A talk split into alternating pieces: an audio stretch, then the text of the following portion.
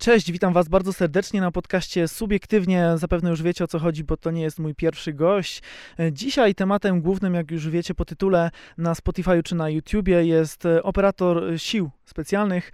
Mm, I zadamy sobie kilka pytań, które udało mi się znaleźć w internecie albo które sam natrafiłem szukając e, różnych materiałów. Pierwsze, co mam do pytania, to e, ile lat już jesteś w siłach specjalnych, tak ogólnie ujmując? 10 lat.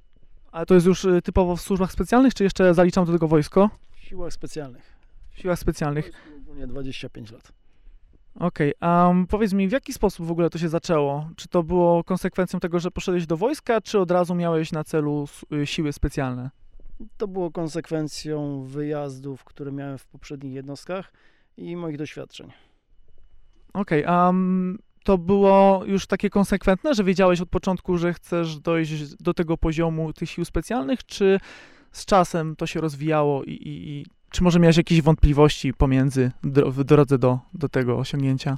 Nie, no to było spowodowane e, moją pracą w jednostkach, e, bo ja wcześniej pracowałem w dwóch jednostkach wojskowych i to, co się tam działo, w jaki sposób e, były prowadzone pewne rzeczy, spowodowało, że zacząłem myśleć o siłach specjalnych.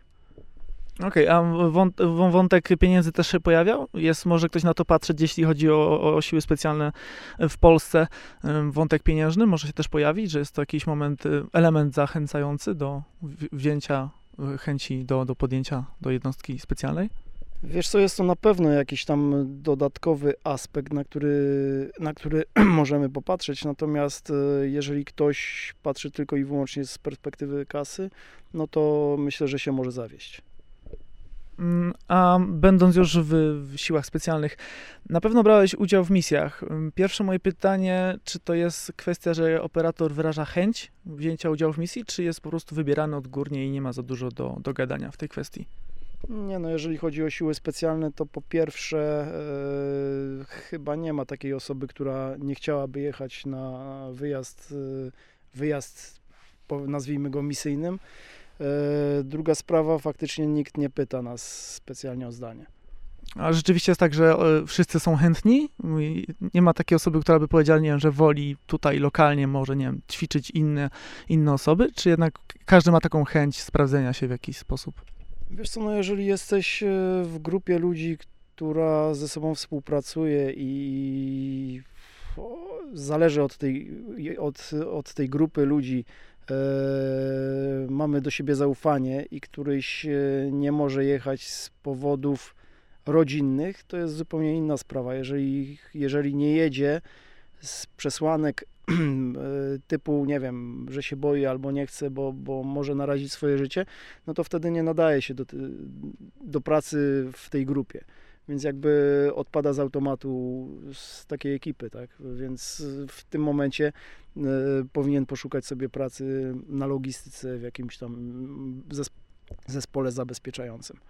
A w, w Twoim przypadku pojawił się taki element że chęci były do wzięcia udziału w misji, ale gdzieś tam może z czasem pojawił się ten element właśnie rodziny, że miałeś takie, że podjąłeś decyzję, że jedziesz, ale jednak się zastanawiałeś po pewnym czasie, czy to jest, jesteś konsekwentny w tym, że jak wyraziłeś zgodę, to nie zastanawiasz się za bardzo? Nie, no aspekt jakby rodzinny tutaj niestety nie może, nie może wpływać na decyzję, którą gdzieś tam się podejmuje, bo e, jeżeli zdecydowałeś się na bycie e, żołnierzem sił specjalnych, to poniekąd konsekwencja tego jest taka, że nie możesz sobie nagle zmieniać zdania na zasadzie, no może jednak bym nie pojechał, bo rodzina jest ważniejsza, tak? Bo jeżeli już przeszedłeś pewien etap, y, zrobiłeś selekcję, byłeś na jakimś kursie, wyszkoliłeś się i jesteś pełnoprawnym żołnierzem tych sił specjalnych, no to to wszystko inne idzie mimo wszystko na drugi, na drugi plan.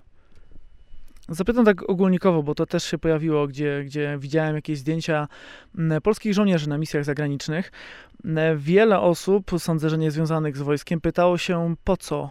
Po co Polska, jeśli obecnie nie jest w stanie wojny z żadnym krajem, po co siły specjalne, czy też zwykłe jednostki w armii biorą udział w misjach, gdzie no jakby Polska nie jest krajem, który jest napadany albo atakowany, a jednak angażujemy się i nasi żołnierze narażają swoje życie jakby w sprawach, które nie dotyczą do końca. No tak, chyba rozumiesz, o co mi chodzi, że nie jest to do, definitywnie na nasz kraj jakiś napad, tylko bierzemy udział za granicą w jakiejś misji. Wiesz co, na to można spojrzeć yy, z różnej perspektywy. Przede wszystkim po pierwsze i najważniejsze, to nie żołnierz decyduje, że jedzie na misję, tylko politycy. Więc jeżeli e, ostatnio słyszałem bardzo fajny taki wywiad, e, jeżeli politycy decydują o tym, czy wojsko polskie bierze udział, e, politycy są wybierani przez naród, czyli generalnie naród zdecydował, że, że ci żołnierze się gdzieś tam znajdują.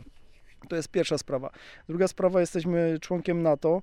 Jeżeli NATO bierze udział w jakichś operacjach, i my chcielibyśmy, żeby w przyszłości NATO wspomogło nas w razie jakiegokolwiek konfliktu, no to wydaje mi się, że to zaangażowanie w jakimś tam stopniu ma sens. I kolejny aspekt, e, jakby na to nie spojrzeć, e, każdy wyjazd misyjny, nawet, gdy, nawet jeżeli nie jest on wojenny, typu Afganistan czy Irak, ale te chyba najbardziej, najbardziej i najwięcej powodują doświadczenia wśród naszych żołnierzy. Polska nie walczyła od II wojny światowej w żadnym konflikcie, tak? I taki konflikt y, Irak czy Afganistan bardzo fajnie, e, bardzo fajnie oczywiście w cudzysłowie, bo też giną tam żołnierze, natomiast e, one pokazują nasze mankamenty i ewentualnie spowodowały, przynajmniej jak e, jeżeli chodzi o Irak, spowodowały niesamowity, niesamowity przyrost doświadczenia choćby w sprzęcie, jakim dysponujemy. To, jakie żołnierze nosili hełmy, jakie nosili kamizelki, jakie są pistolety, karabiny, to wszystko gdzieś tam zaczyna ewaluować i idzie w dobrym kierunku. Więc jakby te misje są, są na pewno pozytywne pod kątem e, doświadczenia wojskowego. A miałeś jakieś takie wrażenie, że czułeś się niejako jako najemnik? Miałeś jakieś takie gdzieś tam perspektywę, czy nigdy ci to nie przyszło do głowy? Nie, nigdy się w taki sposób nie czułem. Mm, bo to pytanie się wzięło stąd, że widziałem kiedyś zdjęcie polskiego żołnierza, który ze sobą nosił szable. Nie wiem, czy to jest mm, dozwolone, czy nie, ale na, na zdjęciu gdzieś stał przy przywozie bojowym z szablą polską i niektórzy traktowali to jako taki fajny, patriotyczny aspekt, a niektórzy mówili, że no jest najemnikiem i chwali się z tego, że tam w innych krajach robi krzywdę innym ludziom, tak? Nie wiesz, dla mnie, dla mnie mówienie o polskim żołnierzu, że jest najemnikiem jest y, no co najmniej nie na miejscu, tak? Bo tak jak y, powiedziałem, to nie ten żołnierz y, pojechał tam na kasę. O najemnikach możemy rozmawiać w momencie, kiedy e, dostaje pieniądze z obcego państwa, e, w którym się w którym się gdzieś, który, którego zatrudniło po to, żeby, żeby coś tam e, miał robić. My jesteśmy żołnierzami, wyjeżdżamy na misję, bo wysyła nas, nas polski rząd i żaden żołnierz, który tam jest na takim wyjeździe nie, nie może być nazwany najemnikiem. Mm, przejdziemy do trochę lżejszego może tematu.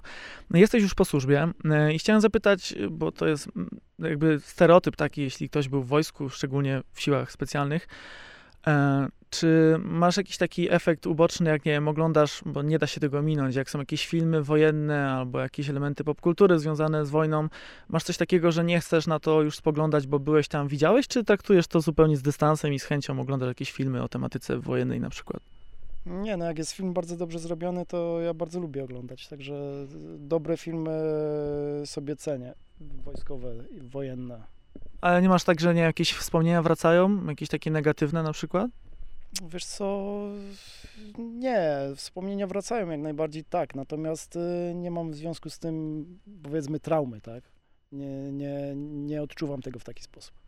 A y, masz może na myśli jakiś tytuł? Bo wiele osób mówi, że no ciężko jest odzorować wojnę. To, co widzimy w, tam w mediach czy, czy w popkulturze, y, tam się często jakieś wątki miłości, właśnie rodziny, tęsknoty i takie, no wiadomo, bardziej fabularne rzeczy dzieją niż takie dystrykcyjne, zdyscyplinowane wykonywanie poleceń, tak?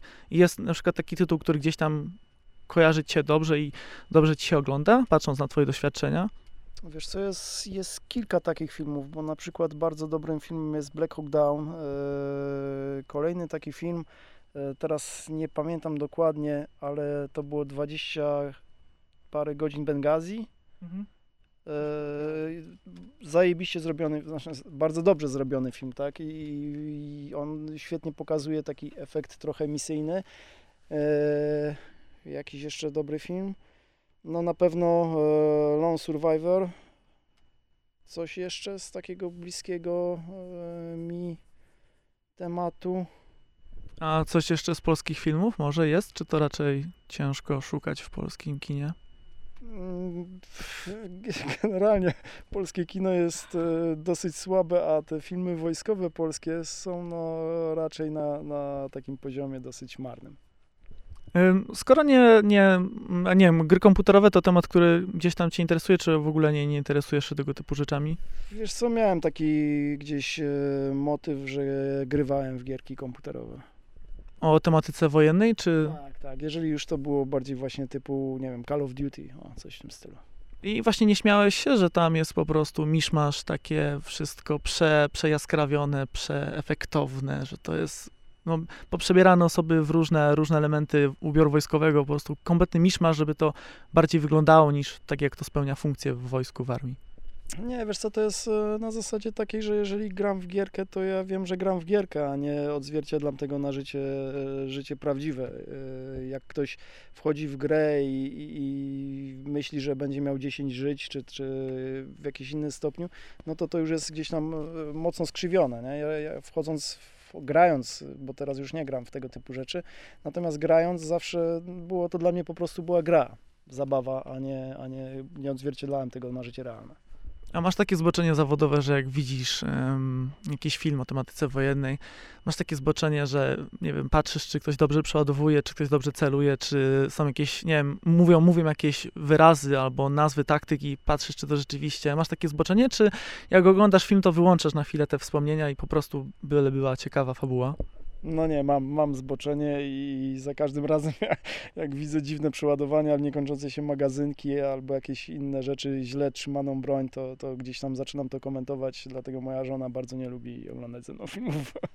Słyszałem, że takim e, w miarę dobrym filmem jest John Wick. Wiele osób docenia ten film pod względem odnośnie posługiwania się bronią. Wiadomo, że tam są elementy fantastyczne, że jeden facet zabija 40 tysięcy osób, ale jako samo posługiwanie się bronią, że podobno, nie wiem, czy widziałeś ten film? Tak, widziałem, widziałem wszystkie części. Yy, Faktycznie fajny jest yy, kunszt yy, aktora, który gra główną rolę, bo widziałem jego treningi, które on robi triganowe typowo i rzeczywiście ten film jest zrobiony tak trochę pod trigana tak zwanego, czyli faktycznie ma tarczę, tymi tarczami są ludzie i, i, i strzela je tak jak na zawodach strzeleckich się strzela, tak. Trochę to jest, oczywiście to jest mocno podkoloryzowane, natomiast fa fakt jego kunszt y, strzelecki jest bardzo fajny.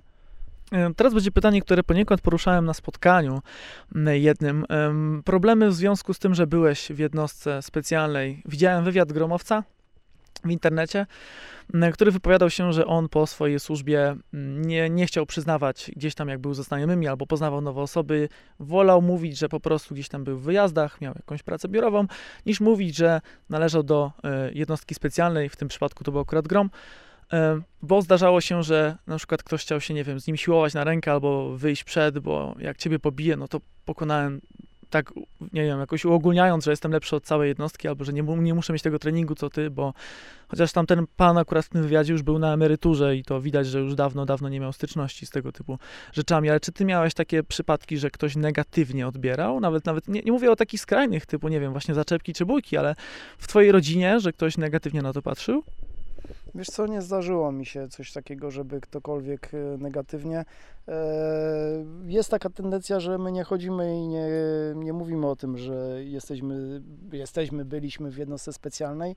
Jakby o tym się generalnie nie mówi. Nikt nie wchodzi do knajpy i nie mówi, kurde, a ja byłem w takiej czy innej jednostce i czekam na reakcję, czy kurde ludzie zaczną mi stawiać wódkę, czy, czy, czy też któryś wyskoczy na piąchy i sprawdzi się, czy jest ode mnie lepszy, bo to nie, nie o to chodzi. E, tak jak mówię, nie, nie zdarza się, tym bardziej jeżeli ktoś był e, operatorem w, w jakiejś tam, czyli, czyli takim e, żołnierzem typowo liniowym w tej jednostce, to wydaje mi się, że tutaj bardziej jest e, skromność i nikt o tym nie mówi. Tym bardziej, że e, my też zdajemy sobie sprawę z tego, że jakby opowiadając cokolwiek, ta druga strona i tak nas nie zrozumie. Jeżeli to ten człowiek nie był nigdy w wojsku, nie był w siłach specjalnych, ale już sam fakt, że nie był w wojsku, to jakby to, co my możemy mu powiedzieć, nie będzie w ogóle przez niego zrozumiane do końca. No, odnośnie szkoleń, y, mam tu taką informację. Gdzieś to wyczytałem w internecie, że y, podobno w Ameryce, kiedy mm, tu akurat w przypadku było snajpera, mm, kiedy na początku szkolenia, do, nie wiem, przy, przyszkolenia się do jednostki e, snajperskiej, nazwijmy to ogólnie, że na początku szkolenia dostają e, małego psa, wychowują go aż do końca szkoleń i pod koniec, ko- pod, pod końca te, podczas em, ostatniego jakby egzaminu, podczas końca tych, tych, tych wszystkich szkoleń, mają za zadanie odstrzelić tego psa, jako żeby pokazać, że no nie, nie łączą ich żadne, nigdy się nie zawahają, tak jak zobaczą, nie właśnie kobietę, czy, czy jakiegoś tam mężczyznę, żeby nigdy nie działały na nich jakieś takie emocje. Y, Są takie dziwne rzeczy? Słyszałeś może o takich y, dziwnych, specyficznych metodach szkolenia, czy to, co przed chwilą przeczytałem, to jest typowa fikcja literacka? Wiesz co, myślę, że to jest, e, że to jest fikcja, że to nie jest, że to nie jest prawdą, bo mm, zabicie, czym ma, czym ma służyć zabicie psa, którego gdzieś tam wychowujesz? Tym, że jesteś bardziej chyba zwyrodnialcem niż tak naprawdę e, masz poukładane w głowie. No bo No, y, ja na chwilę tylko wtrącę się. Spotkałem się tylko z tym, że na przykład y, czytając gdzieś jakiś dokument, że na przykład snajperzy albo operatorzy mówili, że na przykład nie zabijają człowieka, tylko jest eliminacja celów, usunięcie zagrożenia, że w ten sposób jakby właśnie usuwają sobie ten element, nie wiem, ludzki nazwijmy to.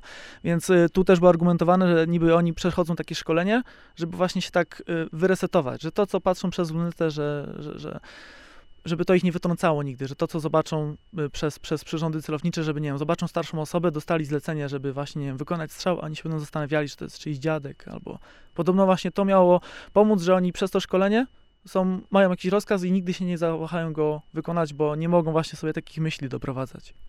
Wiesz co, no ja przede wszystkim nie jestem, nie, nie jestem, nie byłem snajperem, więc jakby tutaj ten, ten aspekt gdzieś mi ucieka, że leżę i z dalekiego dystansu strzelam do, strzelam do kogoś. Eee, Czy tam mam zlecenie zastrzelenia kogoś e, z odległości tam kilometra.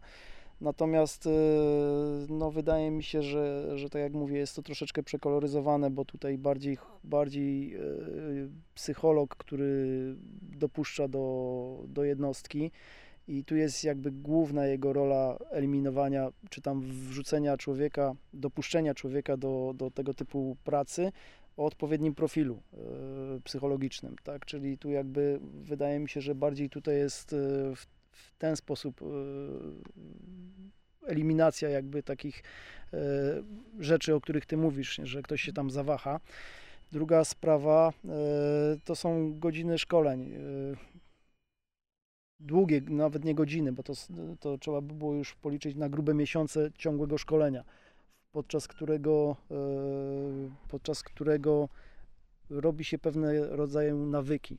I te nawyki powodują to, że ty jesteś zdolny do eliminowania tego zagrożenia, które, bo tak naprawdę my likwidujemy czy eliminujemy zagrożenie, które, które osoby mogą nam, e, mogą nam zagrażać, tak? Czyli to jest eliminacja, eliminacja tego celu. E, to nie jest na takiej zasadzie, że my mamy zabić kogoś, kto śpi, tylko mamy go schwytać. Jeżeli ten człowiek zagraża naszemu życiu, czyli ma przy sobie pistolet, no to w tym momencie zostaje z, zneutralizowany, tak? Czyli zastrzelony. A zdarzyło się właśnie jakieś takie specyficzne ćwiczenia, specyficzne, no nie, nie takie karygodne jak tutaj w przypadku zastrzelenia, nie wiem, psa, ale czy były jakieś takie dziwne ćwiczenia, bo my sobie wyobrażamy, nie wiem, pompki, przysiady, wchodzenia do budynków, a czy było coś takiego dziwnego, bo gdzieś tam też przeczytałem e, w jednej książce, nie pamiętam teraz, że z jednym z treningów polegało na tym, że żołnierze leżeli na takiej blaszanej, jakby podejście blaszanym i byli oblewani wodą, a było bardzo zimno, tak? I po prostu była taka próba, kto z nich dłużej wytrzyma i tam autor książki się cieszył, że jego kumpel mu wprost mówiąc, nasikał na ręce, bo to było jedyne ciepło, które mogli sobie jakoś zapewnić w tamtej sytuacji, tak? Bo był dzwonek dalej i kto po prostu, komu było za zimno, miał już dosyć, wstawał. Były jakieś takie dziwne ćwiczenia, albo takie ciężkie, które może... To jest, to jest rodzaj szkolenia, więc jakby tutaj doprowadzanie do hipotermii też jest jakby rodzajem szkolenia, tak? Jeżeli masz e, przejść, choćby nawet na selekcji, masz e, przejść jakiś tam odpowiedni dystans, jest zimno, e, pada deszcz, e, jesteś przemoczony, no to to już gdzieś tam powoduje ten, to jest etap etap jakiegoś tam rodzaju selekcji, tak? I to wszystko jest generalnie na szkoleniach. Tak samo w, podczas szkoleń w, w krajach powiedzmy koła podbiegunowego, czy tam, czy, czy to będzie Norwegia, czy to będzie Finlandia, wpadanie do przeręb, przerębla, y, gdzie masz lodowatą wodę, musisz wyjść z tej wody, wygrzebać się, y, przebrać, rozebrać się do, do golasa, y, ubrać w suche ciuchy, no jest też takim elementem szkolenia, więc jakby to, to jest gdzieś tam naturalne, że, że sprawdza się ten, ten wytrzymałość organizmu, natomiast to nie jest na zasadzie takiej, że, że doprowadzamy ludzi do, do jakby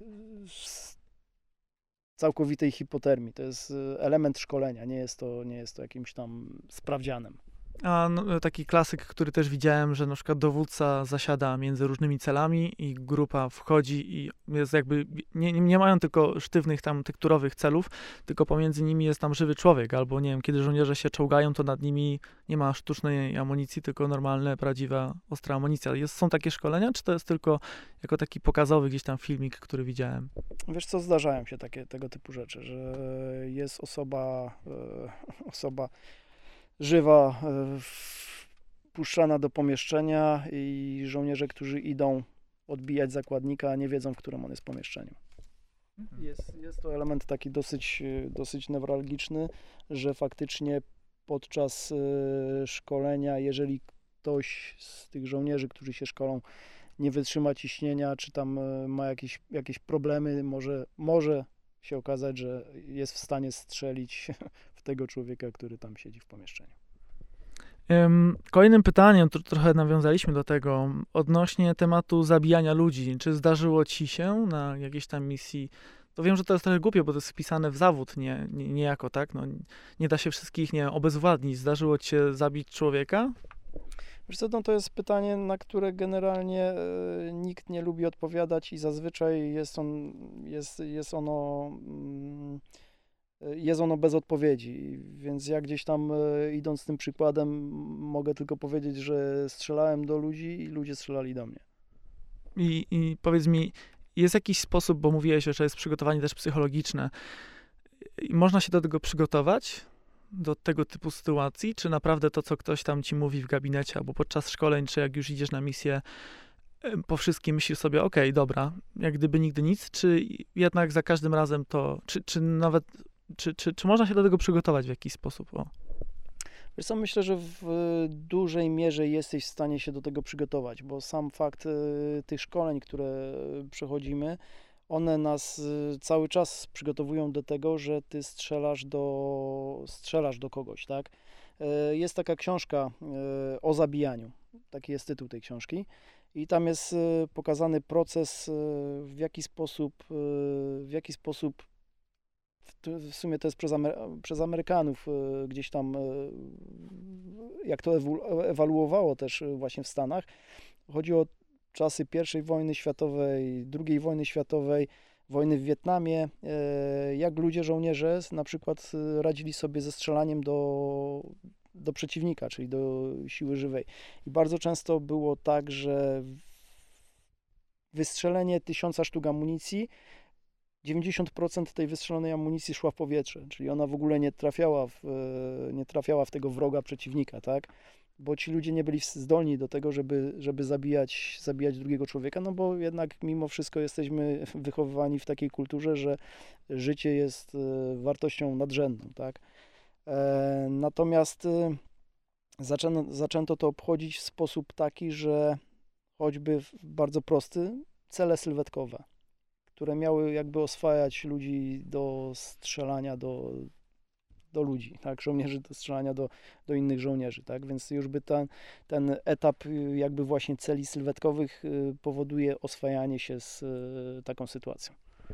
E, dlatego pytam, bo tu poruszyliśmy temat snajperów, ale mm, e, w ich przypadku jest to, że oni często nie potwierdzają trafień, tak? Ten cel jest gdzieś tam daleko, a ze względu na to, że no, z reguły te siły specjalne jednak mają, często są ćwiczone jakieś wejścia do budynków na bliski kontakt, więc jakby dlatego pytam, bo ym, często ty mogłeś się spotykać z efektem swoich działań, tak? Być naocznym świadkiem. Czy to masz, masz do tej pory gdzieś to w pamięci, czy to po, po tylu latach już minęło i gdzieś tam, ze względu na to, że już nie jesteś czynnym operatorem, to już tam gdzieś tam zapadło w niepamięć? Nie wiesz co, no nie, nie ma takiej możliwości, że coś zapada w niepamięć i wy, wyrzucasz sobie to z głowy. To wszystko, co się gdzieś tam działo, yy, zostaje do końca życia praktycznie. E, a masz e, tak trochę tematem lżejszym, masz jakąś taką e, misję, oczywiście bez szczegółów, ale którą wspominasz najlepiej? Może nie wiem, ze względu na to, że na krajobraz, może na to, że coś tam się śmiesznego wydarzyło, bo to mogła być taka no, wy- wyjątkowa sytuacja ze względu na powagę waszych działań.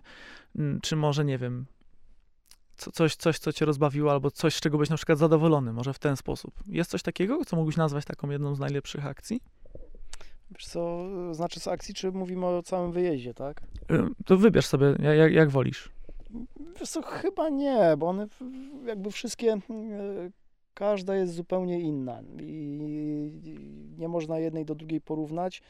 E, Z każdej dosyć dużo wynosiłem e, własnego doświadczenia. E, Z każdej w zasadzie wróciliśmy, tak, z każdej wróciliśmy bez, bez jakiegoś tam szwanku, więc jakby one wszystkie gdzieś tam pozytywnie się kończyły dla nas, więc y, myślę, że, że wiesz, że nie mam jakiejś takiej szczególnej, która gdzieś tam zapadłaby mi niesamowicie w pamięć. Oczywiście jedne, jedne gdzieś tam właśnie z tych, y, z powodu choćby tych żartobliwych, bo poczucie humoru ludzi w siłach specjalnych, poczucie humoru jest dosyć takie brutalne i, i ciekawe. Jeżeli nie masz podobnego poczucia humoru, to, to można, tam się, można by się tam było załamać, tak? Więc ono jest, ono jest dosyć chamskie, więc każde pośliźnięcie się, kuźwa, y, małe, małe drobiazg i potknięcie powoduje niezłą lawinę śmiechu i to, to trzyma się ciebie do momentu, kiedy nie stanie się coś innego, śmieszniejszego i to wtedy przechodzi na, na kolejną osobę, tak? Więc jakby tutaj tych, tych takich różnych rzeczy było mnóstwo. No ale nie, nie mam czegoś takiego, że coś, coś niesamowicie szczególnego gdzieś tam zapadło mi w pamięć. A w drugą stronę jest jakaś akcja albo sytuacja, którą wspominasz źle, która no lepiej, mm, no tego zapada ci w ten negatywny sposób, że, że, że, że szkoda, że to się wydarzyło. Jest coś takiego na przykład? Wiesz co, jest, y, jest taka w poprzedniej jednostce, kiedy byłem, y, jest taka sytuacja, y, gdzie zginął mój dowódca, którego bardzo dobrze znałem, więc jakby tutaj to jest takim, takim najbardziej negatywnym, negatywną rzeczą, która mi się wydarzyła. Powiedz mi, jak teraz wygląda, mm, bo to może wiele osób ciekawić, w Twoim przypadku, jak wygląda życie po służbie? Czy Ty się od- odbiłeś zupełnie i może jesteś teraz zawodowym kucharzem, może tancerzem, nie wiem, no, czy, czy, czy jednak cały czas gdzieś tam kręcisz się w tematach militarnych? Wiesz co, no u mnie to było tak, że poszedłem w tym kierunku, w którym gdzieś tam e, dobrze się czułem, czyli gdzieś te militarne tematy cały czas są mi bliskie i, i gdzieś, gdzieś w tym się spełniam, tak? Może to nie jest, e, może, może gdzieś tam, wiesz, to mm, z perspektywy czasu może lepiej by było właśnie być kucharzem, natomiast gdzieś, gdzieś jest mi to bliskie sercu i na chwilę obecną mnie to cieszy, nie? Na, mm, dlatego gdzieś, gdzieś, gdzieś cały czas w tym kierunku, w kierunku tych militarnych spraw. E, Powiedz mi też, bo wiele osób jest zafascynowanych wojskiem. Mm, W Polsce często są kampanie, które promują wstąpienie do, do, do szeregów armii. E, Wiele osób chce zostać żołnierzem, a mógłbyś mi powiedzieć na przykład, o czym się nie mówi? Co cię zaskoczyło na przykład podczas służby? Bo te filmiki, no nie ukrywajmy, tak jest, bo one są propagandowe. One pokazują te najlepsze, fajnie, najfajniejsze akcje, gdzieś tam loty samolotem, nurkowania, no niesamowite przygody. A jest coś, co cię zaskoczyło, także się nie spodziewałeś tego, gdzie nie uwzględnili tego w reklamach na przykład? Wiesz co, to było, yy, to było jeszcze, ja poszedłem do wojska z, z bardzo dawno temu, bo to był yy, 93 rok, więc jakby yy, kupa, kupa lat temu. Mm, Co mnie wtedy zaskoczyło? Wtedy zaskoczyło mnie to, że najważniejszą rzeczą w wojsku było sprzątanie, czyli robienie tak zwanych rejonów. Coś, co, co kompletnie gdzieś tam nie, nie kojarzyło mi się nigdy z wojskiem, a okazało się jedną z głównych rzeczy. Zawsze musiało być by idealnie wysprzątane, buty idealnie wyczyszczone, układane w kosteczki, ciuchy i tak dalej, i tak dalej. To z czego, z czego później mamy są tam chyba takie dumne, że ich syn był w wojsku i potrafi sobie pościelić łóżko, tak? E, I gdzieś to, gdzieś mnie tam najbardziej zaskoczyło. Potem już e, jako żołnierz zawodowy e, zaskakiwało mnie to, że w wojsku bardzo często ukrywane są rzeczy negatywne. Jeżeli są jakieś braki, to nikt nie lubił się do nich braki w wyszkoleniu, braki w sprzęcie, braki w czymkolwiek. Nikt tego nie zgłaszał, bo zgłaszanie tego znaczyło, że sobie ten ktoś nie radzi. I to było takie, mm, to była taka drabinka, e, drabinka właśnie nie przekazywania sobie złych rzeczy. Czyli musiało być wszystko idealnie i każdy zgłaszał, że nie ma problemu, wszystko jest super i takie było przykrywanie, przykrywanie e, gówna chusteczką. Mhm. A mm, to będzie takie może, może ciężkie pytanie, bo mm, zapisałem sobie, że mm, można być zawodowym żołnierzem, ale czy to się wiąże z byciem zawodowym mężem albo ojcem? W sensie, jakbyś miał tak podsumować, to czy, czy będąc tym y, operatorem sił specjalnych, y, wojsko dało ci więcej, czy to ty dałeś więcej wojsku? Czy bilans jest na równi, czy, czy, czy może poświęciłeś się za bardzo te, tej, temu obowiązkowi, pasji, nie wiem, pracy? Wiesz co, to, no to jest dosyć ciężkie pytanie, bo na pewno przez te 10 lat, kiedy byłem żołnierzem sił specjalnych, y, moja rodzina nie miała, że się tak wyrażę, ze mnie specjalnie pożytku, tak. E, ja w 100% poświęciłem się pracy. No, na drugim miejscu była ta rodzina i jakby y, pokłosie tego jest takie, że e, no, ta rodzina faktycznie oddala się od ciebie i to na pewno jest, y, jest dosyć mocnym wyrzeczeniem. Więc y, no chyba patrząc z perspektywy jakby takiej prywatnej po jakimś czasie, to ty dajesz więcej od siebie niż, niż, y, niż, niż, jakby, niż jakby zostawiasz. Tak. Um, mam też taki akapit pokonywanie lęków i swoich słabości w wojsku. Ty miałeś tak, że już byłeś gotowy na wiele rzeczy, czy doszedł taki moment, czy był taki moment, kiedy y, no, pokonałeś jakiś swój lęk, strach, czy nie miałeś tego typu problemów, nie wiem, lęku wysokości, lęku przed pływaniem, czy, czy to, to było dla ciebie normalne, czy miałeś taki moment, gdzie pokonałeś jakąś swoją słabość albo lęk? Wiesz co, to jest, yy, znaczy ja to gdzieś nie miałem czegoś takiego jak lęki. One gdzieś tam nie pojawiały się u mnie nigdy więc jakby nie miałem, nie miałem z tym problemu. Natomiast yy, lęk, strach, yy, obawy, one cały czas się pojawiają, bo masz e, mnóstwo rzeczy, których nigdy w życiu nie robiłeś i robisz je pierwszy raz. Skoki spadochronowe, jakieś tam nurkowanie, wiesz, skoki z wysokich wież, wspinaczka. To wszystko gdzieś pojawia się pierwszy raz i jest to no jest to coś nowego, więc jakby przed tym jest strach, natomiast z drugiej strony jest to zajebista rzecz i jest fascynacja tego, nie? Mam też takie pytanie odnośnie, czy miałeś taki moment, yy, kiedy chciałeś powiedzieć dość? Czy miałeś taki moment, w którym yy, pomimo tego, że byłeś przygotowany, byłeś e, wyszkolony, ale nie zrezygnowałeś po tym momencie, ale gdzieś tam pojawiła się taka lampka, że kurde, przecią przeciążyłem pewne, pewne rzeczy u mnie i fajnie byłoby to, nie wiem, wystopować. Wiesz co, tak, no jest taki moment zmęczenia, zmęczenia organizmu. Poza tym, wiesz, ja dostałem się do sił specjalnych już w, będąc w dosyć, że się tak wyrażę, no nie wiem, można powiedzieć odpowiednim wieku, aczkolwiek to już było, już miałem e, powyżej 30 lat.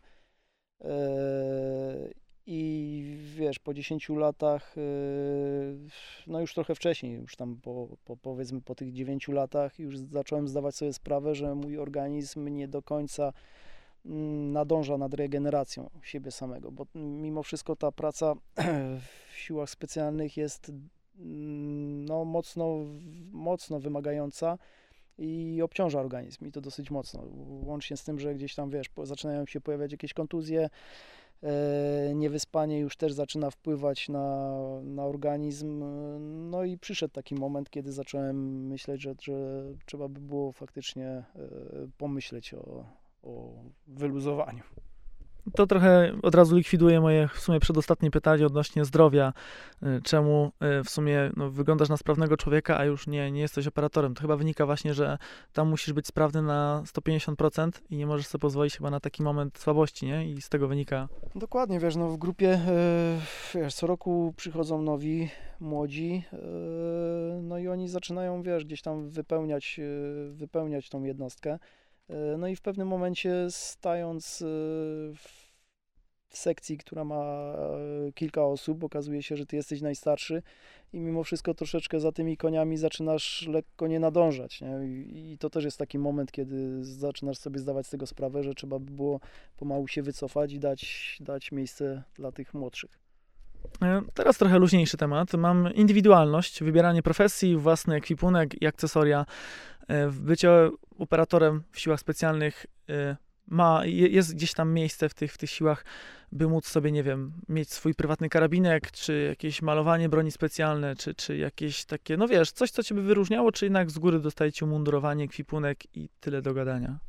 Wiesz co, w, zasadzie dostawałeś wszystko, wszystko odgórnie, więc jakby tutaj nie było specjalnie aż takiego wyboru.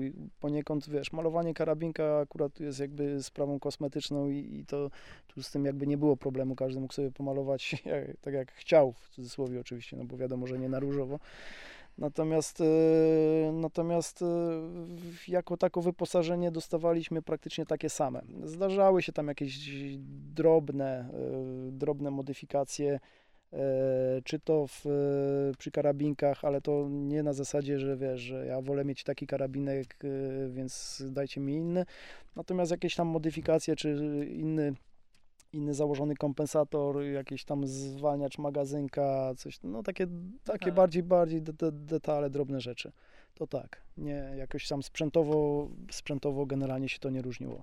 Umundurowanie dostawaliśmy wszyscy takie same, natomiast jeżeli ktoś, e, ktoś chciał skupić sobie na przykład z e, Cry Precision e, ciuchy za 2000 zł, no to sobie mógł kupić i chodzić w tym jednostce, to nie był żaden problem. Teraz trochę cięższy temat. Wypadki w akcji albo na treningach. Gdzieś doszedłem do informacji, że bardzo dużo wypadków w sumie te, teoretycznie dobrze ma miejsce na treningach. To dobrze, że to jest w takich kontrolowanych warunkach. Ale spotkałeś się z tym jako ty? Miałeś, byłeś świadkiem, albo może sam miałeś jakiś wypadek podczas którejś z akcji albo na treningu? Tak, wiesz co, s- niestety no, wypadki są częścią, częścią tego życia, bo e,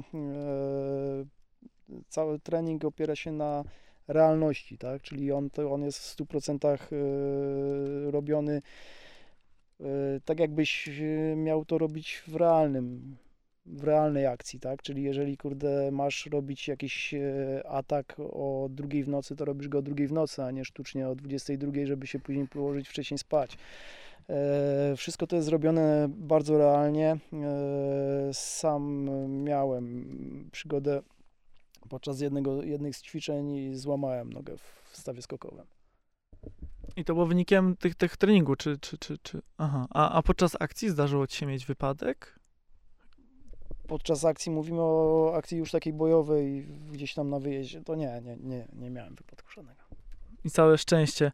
Mm, Teraz pytanie dosyć specyficzne. Ja je dopisałem nie tak dawno temu. Jakbyśmy mieli taki filmowy scenariusz, często to się zdarza, że byli operatorzy albo byli żołnierze, komandosi, szczególnie w amerykańskich filmach.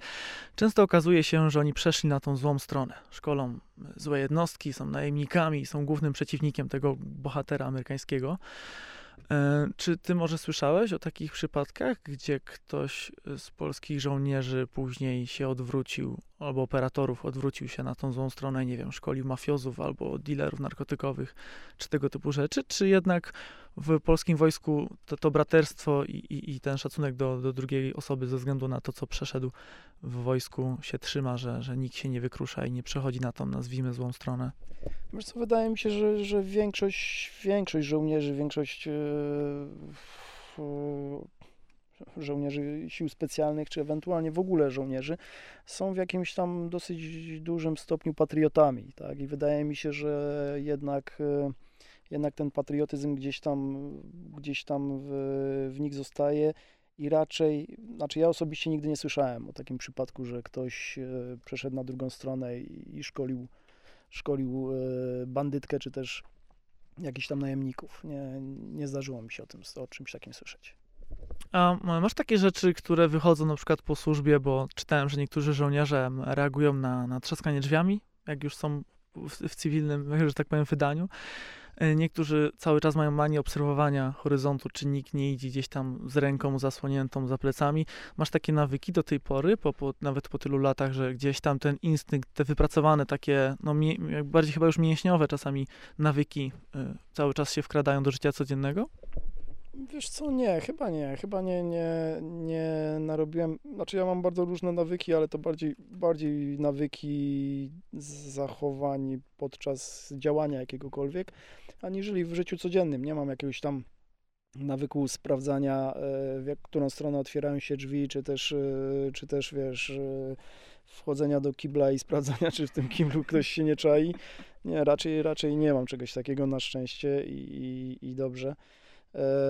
I też nie słyszałem, żeby ktoś, wiesz, miał jakieś tam nawyki tego typu, natomiast na pewno zdarzają się osoby, które kończąc służbę, czy też mając jakąś traumę za sobą, mają tak zwane PTSD, które jest chorobą, wydaje mi się, że dosyć powszechną, natomiast dos- też nie, nie jest tak to nagłaśniane. A myślisz, że wiele osób się nie przyznaje do tego, że na przykład ma takie objawy? Myślę, że tak, że jest to gdzieś tam, może to być dla nich oznaką słabości i będą to ukrywali. E, chciałem jeszcze zapytać o, o braterstwo, bo mi jako cywilowi ciężko jest sobie to wyjaśnić, wytłumaczyć, wyobrazić e, takie oddanie życia za kolegę, który no, z przypadku jest twoim kolegą, tak? W sensie, no, on przeszedł wszystkie szkolenia, ale to nie jest twój brat z krwi, ale poprzez służbę e, można jakoś to opisać obcej osobie, która nigdy nie była, w, no bo wasze sytuacje cały czas miały w definicji narażanie życia wa, waszego, tak? Wy byliście brani do takich najgorszych akcji. Można komuś wyjaśnić, jaki to jest, y, jaka to jest więź z drugim człowiekiem, czy trzeba by przeżyć tego typu sytuacje? No bo my w normalnych relacjach nigdy nie narażamy życia swojego kolegi, znajomego, sąsiada, a wy jakby nie wiedzieliście, pomimo zdobytych umiejętności, nigdy nie wiadomo, co się wydarzy na misji. Można opisać komuś tą, tą nie wiem, taką, to braterstwo? Co nie wiem, czy, czy można opisać, ciężko mi to określić, natomiast, natomiast rzeczywiście jest coś takiego jak braterstwo krwi i w momencie, kiedy spędzasz, spędzasz ze swoją ekipą yy, tam kilka osób, kilkanaście osób, żyjecie razem, jeździcie właśnie, narażacie, nara, narażacie w taki sam sposób swoje życie, od zachowania i, od zachowania, od zaufania e, zależy życie twoje, twoich kolegów, więc jakby tutaj faktycznie jest ta więź taka dosyć, dosyć mocna i w jakimś tam stopniu jesteś w stanie oddać faktycznie życie za, za swojego kolegi, z którym, z którym akurat walczysz. E, czy da się to jakoś wyjaśnić? No nie mam zielonego pojęcia. No to bardziej chyba do, pytanie do ciebie, czy, czy jesteś w stanie sobie to wyobrazić, czy nie? No, pytam, bo w naszym takim moim, ja z mojej perspektywy, w życiu codziennym, e, kiedy się z kimś nie dogadujemy, no to nie zrywamy kontakt, tak? Albo kiedy ktoś nas irytuje swoim zachowaniem, to nie wiem, nie mówimy mu to z grzeczności, ale się od niego oddalamy. Znajdujemy sobie czasami nowych przyjaciół, nowych mężów, żon, żony i tego typu rzeczy ale u was tego nie było w planie, tak? Wy nie możecie się obrazić na kogoś z oddziału, nie możecie być pokłóceni, nie możecie się nie dogadywać, nie wiem, nie pójdę za tobą, bo, bo mnie wczoraj wnerwiłeś. I chodzi mi, że to jest taki y, trudny element, nie wiem, znajomości, takiego, nie wiem, związku z drugą osobą, bo, bo no jesteś poniekąd uwięziony też, tak?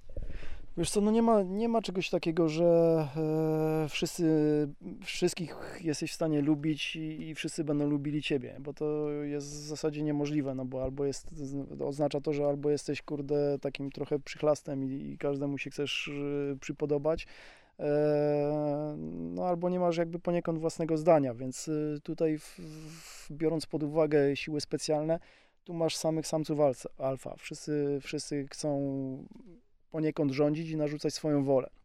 Więc jakby zgrzyt jest y, codziennością, ale ten zgrzyt jest na tyle naturalny, że on nie powoduje agresji między nami. My się możemy złościć na siebie i powiedzieć parę brzydkich słów, łącznie z tym, że dosyć mocno dosadnych, natomiast to zawsze gdzieś tam e, jest sprawa drugorzędna. Na pierwszym miejscu jest robota i, i to, co, to, co gdzieś tam nas łączy, czyli właśnie wykonanie zadania. Mhm. A powiedz mi, już tak, y, bo nie chcę cię tak też męczyć drogą końca, e, co spowodowało, że, że, że, że, że chciałeś być w tych służbach? Troszeczkę na początku zaczęliśmy, ale pomimo tego, że wiedziałeś, że to ma jakby właśnie wpisane to ryzyko odnośnie twojego życia, stanu zdrowia, tą rozłąkę z rodziną, no bo każdy człowiek, nie wiem, nawet ja porównuję do siebie, tak? Jestem zwykłym przeciętnym śmiertelnikiem jak mam zmienić pracę, to mówię, bo tam będę miał daleko, albo będę nocki robił i to mi się nie chce, tego bym, a, a tu jednak wy macie takie największe wymagania, tak? Ryzyko życia i zdrowia, życie w całym stresie, tak? Jakieś wyrzeczenia, daleko często od rodziny, na, na czasami na bardzo długie okresy czasu. Co spowodowało, co było taką siłą u ciebie, że, że jednak pomimo wszystko wybrałeś akurat ten, no bo mógłbyś mieć, nie wiem, jakąś właśnie posadkę w miłym, miłym biurze i sobie spędzić tak na, na, na, na lajcie życie.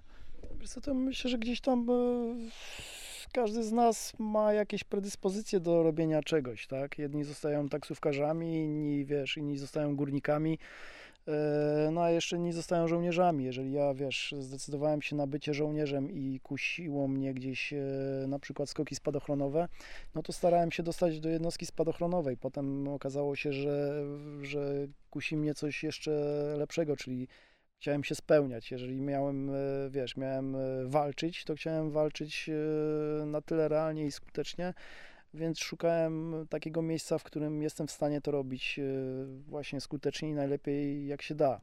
A takie możliwości dają ci siły specjalne, bo będąc e, w jednostkach e, z normalnych jednostkach Wojska Polskiego niestety nie masz, masz działania tak zwane konwencjonalne, tak, czyli to jest, wiesz, patrolowanie, jeżdżenie i generalnie to ty bardziej narażasz e, wtedy swoje życie, będąc poniekąd taką zwierzyną, na którą ewentualnie na takich wyjazdach tego typu się poluje, tak.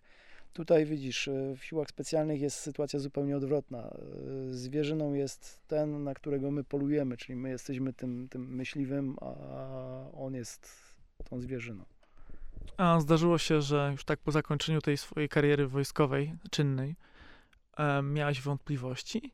Bo wiadomo, że podczas to nie, no ale mijają lata, gdzieś tam inaczej może podchodzisz z perspektywy czasu do tego wszystkiego miałeś jakieś wątpliwości, że może źle podjąłem decyzję i teraz nie wiem, boisz przyznać, bo kurczę, już to za daleko zaszło, no tylko to umiem robić, tak? Znam się na broni, na, na obsłudze broni. No głupio byłoby powiedzieć, że, że, że kile, ileś tam lat temu popełniłem błąd i czy, czy nie miałeś nigdy wątpliwości? Wiesz co, ja jedyną jaką wątpliwość y, mam, to mam taką, że mogłem wcześniej y, pójść w te siły specjalne, tak? Że to jakby tutaj E, trochę tego żałuję, że zdecydowałem się na to po już dosyć długim okresie mojej służby, a żadnego momentu w momencie, kiedy już dostałem się do jednostki specjalnej, no nie żałuję żadnego kroku, który tam poczyniłem. Okej, okay. Mm, już takie dwa ostatnie, najluźniejsze pytania. Mm, jest taki stereotyp żołnierza, operatora, że ma brodę, tatuaże, jest dobrze zbudowany. Są jakieś rzeczy, które są przeciwwskazane? No wiadomo, że kondycja musi być i jakieś tam podejście psychiczne, ale są jakieś takie rzeczy, nie wiem, jakby ktoś miał jakiś tatuaż, czy, czy nie wiem, orientację, czy, czy jakąś fizjonomię specyficzną, jest coś, co go dyskwalifikuje, że nie wiem, osoby, które mają, no, długie włosy to chyba nie za bardzo w służbie mogą być, jeśli chodzi o dyscyplinę wojskową, no ale są takie rzeczy, które dyskwalifikują w jakiś sposób? Wiesz co, jeżeli chodzi o wygląd, myślę, że, że nie, bo e, w siłach specjalnych wbrew pozorom można spotkać ludzi, którzy są e, na pierwszy rzut oka na przykład otyli, e, a, na, a mają niesamowitą kondycję fizyczną. Ja miałem dwóch takich kolegów, którzy, których można by nazwać, znaczy otyli to może, może przesada, ale patrząc na ich brzuch, można by było powiedzieć, że, że faktycznie lubią sobie pojeść. Natomiast mieli kondycję taką, że, że potrafili naprawdę, kurde, niesamowicie spory dystans przebiec i to z całkiem niezłym tempem. Z drugiej strony mam kolegów, którzy są, wyglądają jak, jak piórko, przecinaki takie bardzo chude i też by w życiu, w życiu nikt by nie pomyślał, że to jest żołnierz sił specjalnych. Także to, to jest, wiesz, to są tylko stereotypy. Oczywiście jest, tak jak mówisz, jest stereotyp brodatego wielkiego faceta z tatuażami i gdzieś tam, e, gdzieś tam no, wiele osób się w taki sposób kreuje i upodobnia do tego typu wizerunku, natomiast no nie jest to tak, wiesz, nie jest to, to jakby całkowicie powszechne. Ta broda Broda poniekąd wynikała, e, wynikała z wyjazdów e, tych zagranicznych i to jest, chodzi też troszeczkę o kulturę e, choćby Afganistanu, tak? Bo jeżeli siły specjalne działają w przebraniu i na przykład chodzą w ubraniach cywilnych, no to żeby chociaż troszeczkę gdzieś tam zmylić ten wizerunek, ta broda jest jakby jednym z elementów też wizerunku. Okej, okay. mam jeszcze takie pytanko, które teraz mi naszło. Brałeś e, udział w wielu misjach, w wielu różnych krajach, w różnych, mega różnych sytuacjach. E, a, a, nie widzę po tobie w tym wywiadzie, żebyś jak, wiesz, niektórzy kupią sobie samochód i potrafią o tym miesiącami rozmawiać, tak? Niektórzy mają ślub i wracają do tego co tydzień. E, ty masz także na przykład te wszystkie rzeczy, które się działy, musisz komuś opowiedzieć, masz taką, wiesz, energię w sobie, że no, poniekąd jest to, wiesz, zamknięte grono, więc nie wiem, przychodzisz i ze znajomymi, może nie jakieś takie konkretne fakty, ale masz takie coś, że chciałbyś się komuś wygadać z tego wszystkiego, co miało miejsce, czy to, co na przykład było na akcji po jakimś tam czasie, no po prostu było. Nie wnikasz w to, następna akcja, następny dzień był. Teraz już wiadomo, jesteś na emeryturze, ale czy, czy miałeś takie coś, żeby chcieć się komuś wygadać, wysłowić, o, pogadać o tym, co miało miejsce, tak? Nie w takim taktycznym założeniu, tylko po prostu jak ktoś, kto wyjechał na wakacje albo miał, ma ciekawą pracę. Wiesz co, chyba właśnie nie, nie, nie mam jakby takiej potrzeby. Jeżeli gdzieś tam e, była potrzeba pogadania, to rozmawialiśmy jakby na gorąco, na bieżąco e, i to było w gronie, w gronie żołnierzy, tak, czyli tych, tej ekipy, z którą gdzieś tam byłem na wyjeździe. I naj, najczęściej to były rozmowy właśnie tego typu i, i, i, o, wiesz, i o śmiesznych rzeczach, i o tych takich e, niebezpiecznych, o tym, z czym daliśmy dupy, co by było trzeba poprawić, co było dobre, to jakby wszystko było takie e, omawiane na bieżąco. E, każda akcja oczywiście jest omawiana na bieżąco i wyciąga się z niej wszystkie wnioski, a potem gdzieś tam jeszcze w gronie takim najbliższym, czyli tej, tej, tym, tym najmniejszym składzie, w którym żeśmy byli, jeszcze zawsze dogada, dogadaliśmy sobie o jakichś dodatkowych rzeczach, plus właśnie jakieś anegdoty i tam jakieś śmieszne rzeczy. A, a jest troszeczkę tak, że poprzez, to, poprzez te przejścia, które miały w Twoim e, życiu miejsce, bardziej doceniasz taką normalność teraz? Takie, niektórzy no, nudzą się, kiedy wstają, jadą do, do pracy i nic się takiego nie dzieje.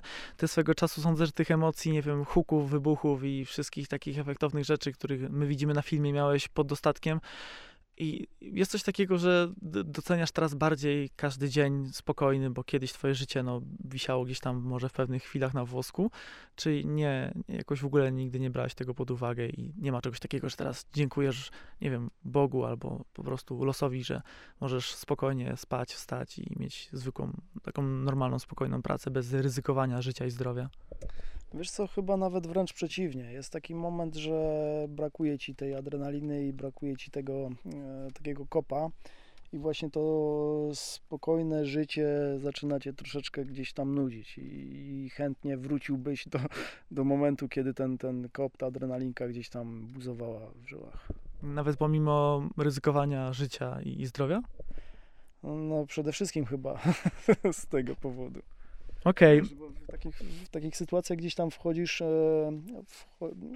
adrenalina jest e, też pewnego rodzaju nałogiem, tak? I to jest tak jak e, szybkie jeżdżenie motocyklem czy samochodem. Ja wiesz, ja gdzieś tam mam substytuty typu właśnie motocykl, natomiast w związku z tym, że troszeczkę znam swój charakter, poszedłem bardziej w enduro turystyczne niż w ścigacze. E, no bo ta pewnie manetka by się gdzieś tam zamykała na, na tym maksie, natomiast, e, natomiast no to, to gdzieś tam, wiesz, daje mi jakiś tam e, substytut tej adrenalinki, natomiast to jakby nigdy nie będzie zawsze, nigdy do końca nie będzie to, to samo. E, dlatego pytam, bo miałem kilka takich rozmów, że wiele osób mówi, kiedy ktoś robi coś z perspektywy trzeciej głupiego, tak? No bo tak jak mówiłem, niektórzy uważają, że to są najemnicy, że nie w swoich misjach, no że właśnie można było gdzieś tam za biurkiem spędzić czas, a nie, nie strzelać do ludzi, tak prostolinijnie mówiąc. Wiele osób nie rozumie tego podejścia, że właśnie gdzieś tam widziałem też wywiad z osobą, która była operatorem, jeśli chodzi o zespół ratownictwa medycznego, wojskowego. On musiał się powstrzymywać, tamten operator mówi, że musiał się powstrzymywać, bo on chciał jechać na kolejną na kolejną akcję, pomimo że ten helikopter ich był ostrzeliwany. Jemu tego brakowało.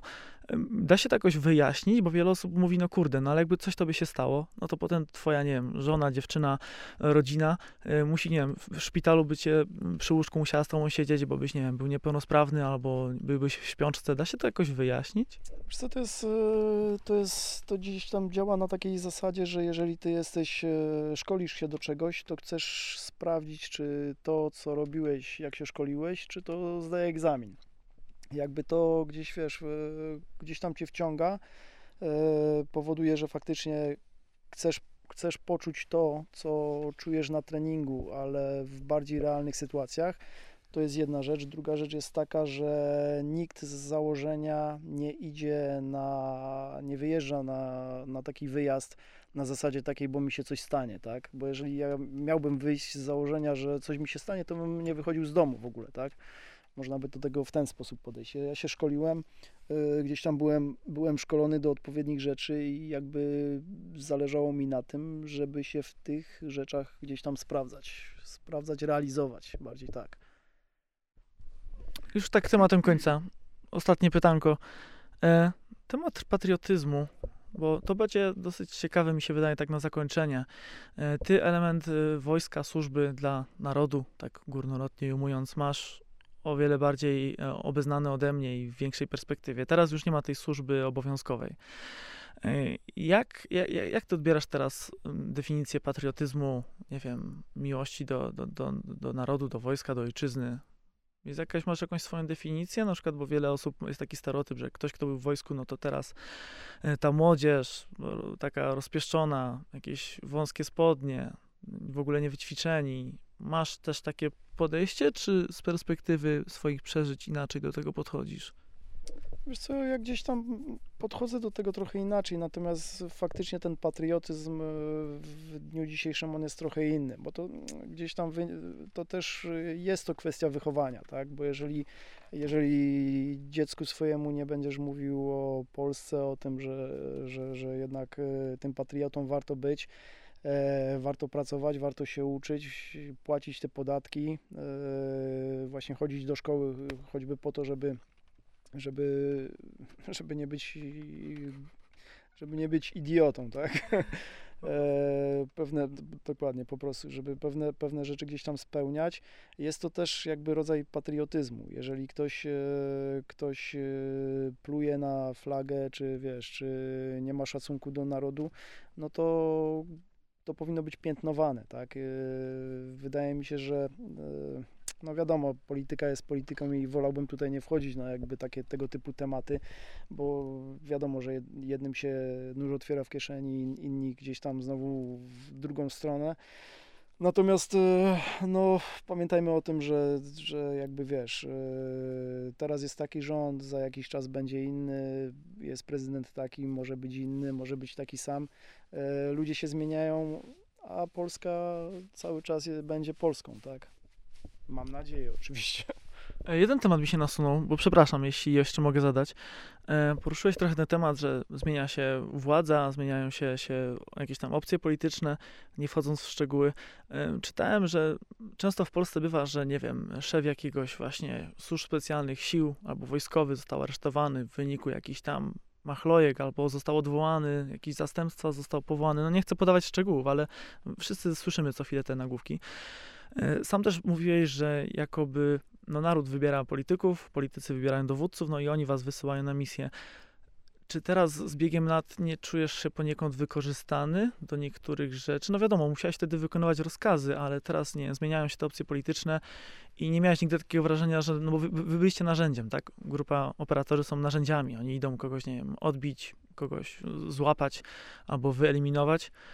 E, I nie czułeś się nigdy, z biegiem lat, już teraz patrząc po, po, po, tej całej służbie i wszystkich doświadczeniach, nie czułeś się takim narzędziem, że kurczę, nie wiem, kiedyś to sobie właśnie wymyślał, był jakiś tam dowódca, a już to się zmieniło nie wiem, moje, moje dokonania są niepotrzebne albo były niepotrzebne, tylko były wymysłem kogoś tam u góry, kto, kto tak, nie wiem, patrzył na jakiś lepszy stołek albo jakieś opcje polityczne? Miałeś takie wrażenie? Nie, wiesz co, nigdy, nigdy nie miałem takiego po, poczucia, że zostałem wykorzystany. Te, nadal nie mam takiego poczucia i mam nadzieję, że nigdy tak, tak nie będzie. Chyba, że zmieni się władza, która stwierdzi, że ci, którzy pracowali w latach 90. w wojsku, mają mieć obniżoną emeryturę Mm, za coś, to tak. wtedy mogę się czuć wykorzystany, tak jak ci ludzie, którzy gdzieś tam, wiesz, przed, przed, przed tymi latami 90.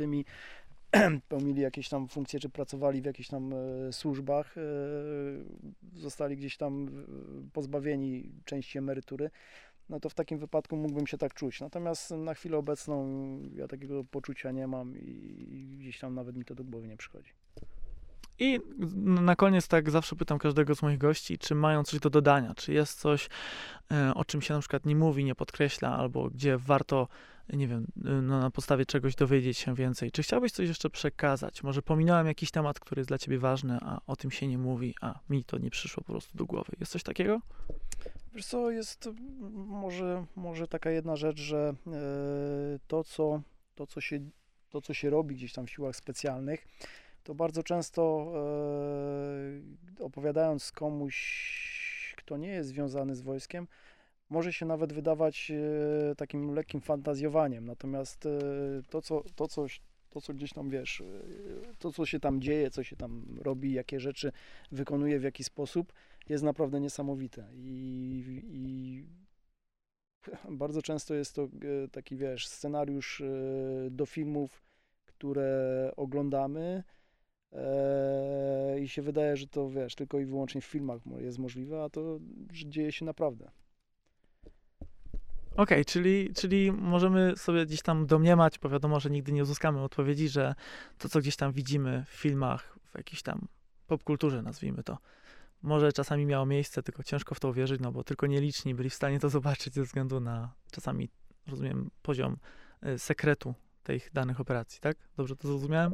No, do, no coś, coś w tym stylu, oczywiście, wiesz, no wiadomo, że w filmach wszystko będzie skumulowane i, i Razy mocno, cztery, mocno tak. razy cztery, natomiast bardzo wiele rzeczy faktycznie gdzieś, e, gdzieś e, dzieją się na świecie. Okej, dziękuję serdecznie za, za wywiad, za to, że e, chciałeś wziąć w tym udział. E, Dla wszystkich zainteresowanych, jeśli słuchacie tego na YouTubie, to podcast dostępny jest również na Spotify'u. E, Zapraszam Was też do komentowania. Może uda mi się jeszcze nawiązać kontakt z moim rozmówcą i odpowie na jakieś pytania, które by były w komentarzach i oczywiście mógłby odpowiedzieć. E, oczywiście zachęcam Was do udostępnienia i dania łapki w górę, bo, bo to mi mega dużo pomaga w zasięgach. Do usłyszenia w następnym wywiadzie. To był podcast Subiektywnie. Do usłyszenia. Cześć.